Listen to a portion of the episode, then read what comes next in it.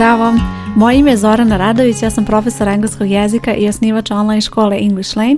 Ovo što slušaš je English Lane podcast gdje pričamo o korisnim savjetima i lekcijama za učenje engleskog jezika.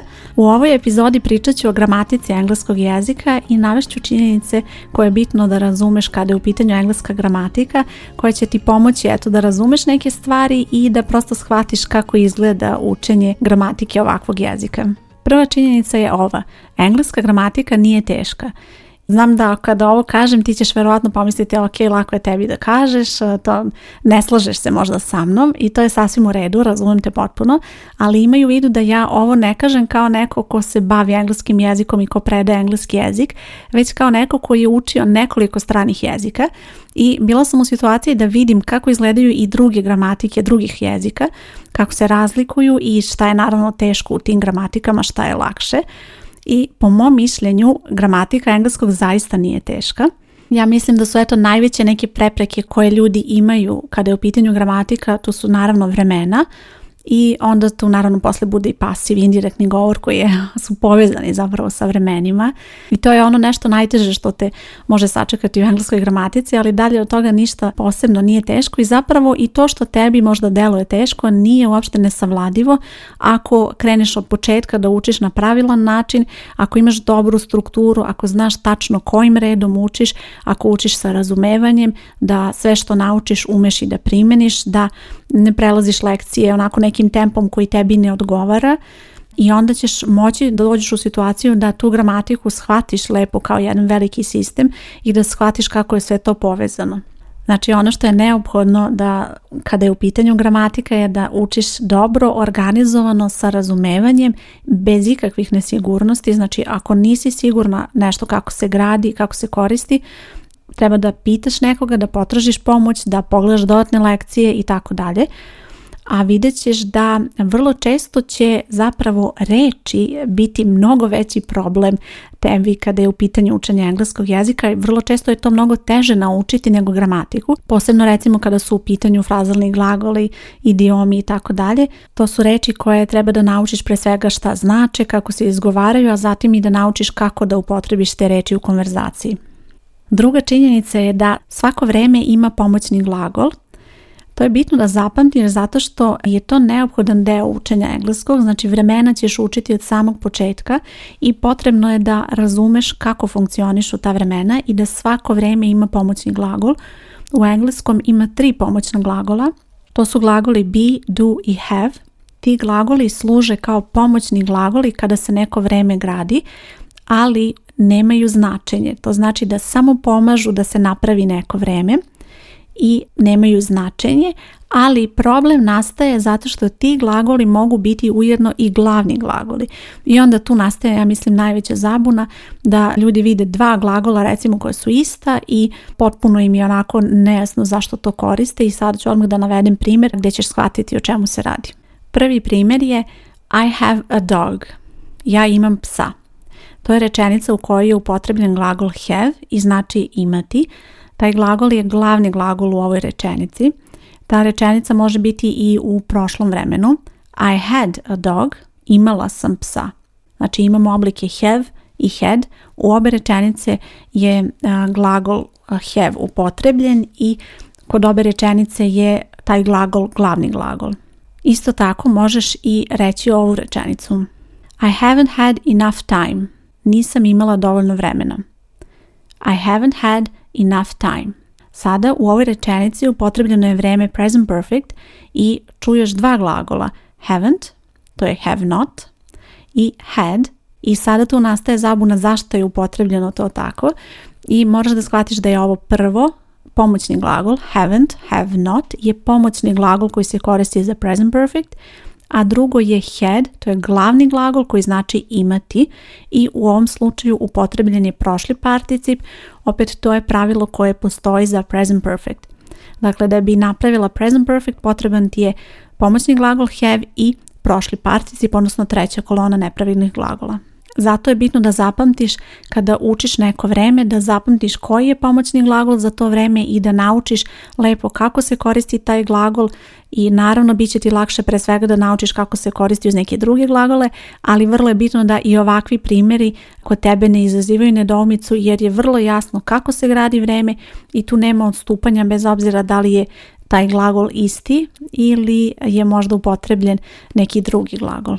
Treća činjenica je da u engleskom nema gramatičkog roda i to je bitno da zapamtiš posebno ako pokušavaš da kada počinješ sa učenjem engleskog jezika, verovatno ćeš doći u situaciju da pokušavaš neke stvari bukvalno da prevedeš i onda dođe recimo primjer radio i radila gde pokušavaš da nađeš ekvivalent na engleskom jeziku, ali ne postoji. Za oba ta primjera ti ćeš reći work na engleskom, odnosno worked u prošlom vremenu, pošto je u prošlom vremenu radio i radila to je to bitno da zapamtiš, dakle u engleskom bilo je nekada gramatičkog roda, sada ga nema i ovo je bitno zato što neki jezici imaju gramatički rod, pa možda recimo ako si učila neki drugi strani jezik, možda će te to zbuniti, ali je bitno da zapamtiš da u engleskom toga nema, to znači da glagol će biti uvek u istom obliku bez obzira da li je subjekat u muškom ili u ženskom rodu. Znači, bez obzira da li upotrebiš he ili she u rečenici, u nastavku će biti worked u prošlom vremenu. Četvrta stvar, pridevi u engleskom nemaju množinu i to je isto bitno da zapamtiš, to je isto nešto što se prenosi sa drugih jezika, recimo ako pričaš neki drugi jezik ili ako si učila neki drugi jezik, možda će te to zbuniti. U engleskom jeziku čak i ako upotrebiš neki pojam u množini i ispred upotrebljavaš pridev, taj pridev nema množinu, znači uvijek je u tom nekom osnovnom obliku. Recimo ako kažeš a big dog, to je rečenica u kojoj je upotrebljena reč u jednini, ali ako želiš da upotrebiš u množini, samo će ta reč dog, to je imenica, samo će ta reč biti u množini. Big dogs. Bilo bi pogrešno, a znam da sam vidjela i znam da je to bitno da skrenem pažnju, bigs dogs, to bi bilo pogrešno. I sljedeća peta činjenica je da je red reči u engleskom veoma bitan. Red reči je veoma važan u engleskom jeziku i vrlo često nije proizvoljan.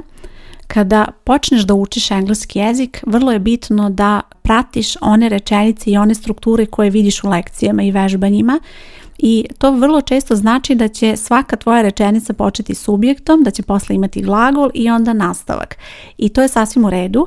Znam da neki žele odmah da pišu malo složenije rečenice i da vrlo često promene red reči zato što su povedeni onako maternim jezikom i pokušaju da prevedu bukvalno nešto.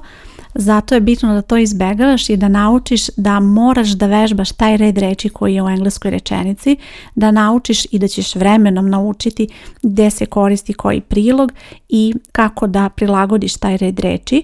Vrlo je bitno recimo ako je upitna rečenica da pomoćni glagoli subjeka zamene mesta. To je nešto što će ti koristiti bukvalno bilo koje vreme da koristiš i bilo koje vreme da želiš da naučiš u engleskom. To je pravilo koje ćeš primijeniti, znači pomoćni glagoli subjekat zamene mesta. Zato zato je bitno eto, zapamtiš i nemoj da se opterećuješ što će na početku možda tvoje rečenice zvučati jednolično. To se dešava zato što sve prate tu strukturu, sve počinju, znači subjekat, glagol i dalje nastavak. Vremenom ćeš naučiti kako da promeniš taj red reči i naravno na pravilan način uz pravila šta može da dođe ispred subjekta i kako eto možeš da promeniš taj red reči, ali vrlo je bitno da to učiš kroz pravila i da ne učiš to ni po osjećaju ni tako što ćeš prevoditi bukvalno. I za kraj ovo su eto bile činjenice o gramatici engleskog jezika, ali moram da kažem još jednu činjenicu o samom jeziku, o engleskom jeziku, a to je da se svake godine doda oko hiljadu novih reči u rečnike engleskog jezika. To znači da eto, ako si stigla do nekog nivoa, i ako misliš da si naučila dovoljno, znaj da svake godine ima nešto novo da naučiš i zapravo nikada nećeš moći da naučiš apsolutno sve reči. Čak ni oni koji imaju materni jezik engleski ne mogu da kažu da znaju sve reči niti da koriste sve te reči u konverzaciji.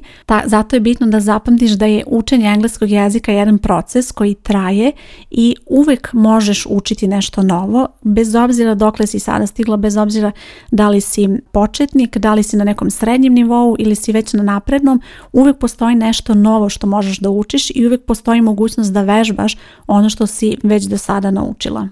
Tako da ako me pitaš koliko ti vremena treba za učenje engleskog jezika i da li je dovoljno da završiš um, jedan, dva ili tri kursa za neki određeni nivo, ja zaista ne mogu da ti odgovorim na to pitanje jer to je stvarno proces koji traje i stalno možeš učiti nešto novo ako ti želiš da učiš i to je ono što je bitno da ti želiš da učiš. Ja i sama učim neke reči sada posle svih ovih godina zato što je to kažem proces i vrlo je bitno da ne samo da učiš nove stvari nego da i stalno koristiš engleski jezik jer e, u momentu kad ti napraviš neku pauzu i kad nemaš kontakt sa engleskim jezikom izvesni period pa makar to bilo i mjesec dva Vidjet ćeš kako se već gubi ta sigurnost, gubiš tečnost kada je u pitanju izgovor, tako da je vrlo bitno da nastaviš da učiš. Ako želiš da imaš taj kontinuitet u učenju i podršku na tom putu, pogledaj više o mojoj online školi kako ti to može pomoći da stalno imaš kontakt sa engleskim jezikom i da stalno imaš pred sobom neke nove izazove koji će ti omogućiti da učiš nešto novo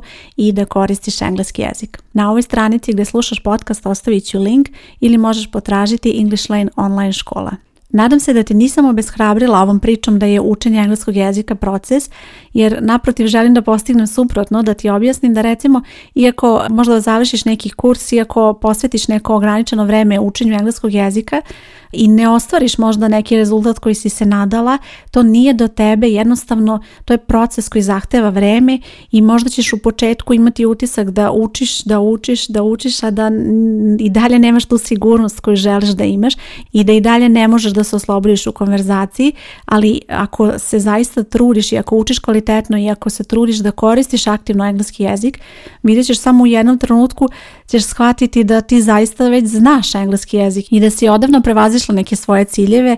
Recimo, bit će to neki trenutak, recimo ako te neko pita nešto na ulici, ti ćeš odgovoriti onako bez mnogo nedoumica i razmišljanja ili recimo ćeš na nekom sastanku gdje treba da slušaš nešto i da ispratiš tok razgovora i shvatit ćeš odjednom da ti to možeš da uradiš, ali to je nešto što se postiže vremenom i sasvim je u redu da dozvoliš sebi da prođeš kroz taj proces, da se ne fokusiraš previše na to kad ću, kad ću, kad ću, nego kako ćeš ti progovoriti, kako ćeš steći tu sigurnost i naravno kako ćeš se osjećati u tom trenutku kad budeš mogla da komuniciraš na stranom jeziku. Imaju u vidu da ako se iskreno posvetiš učenju engleskog jezika, ako si uporna, ako se potrudiš da učiš zaista kvalitetno, rezultati ne mogu da izostanu.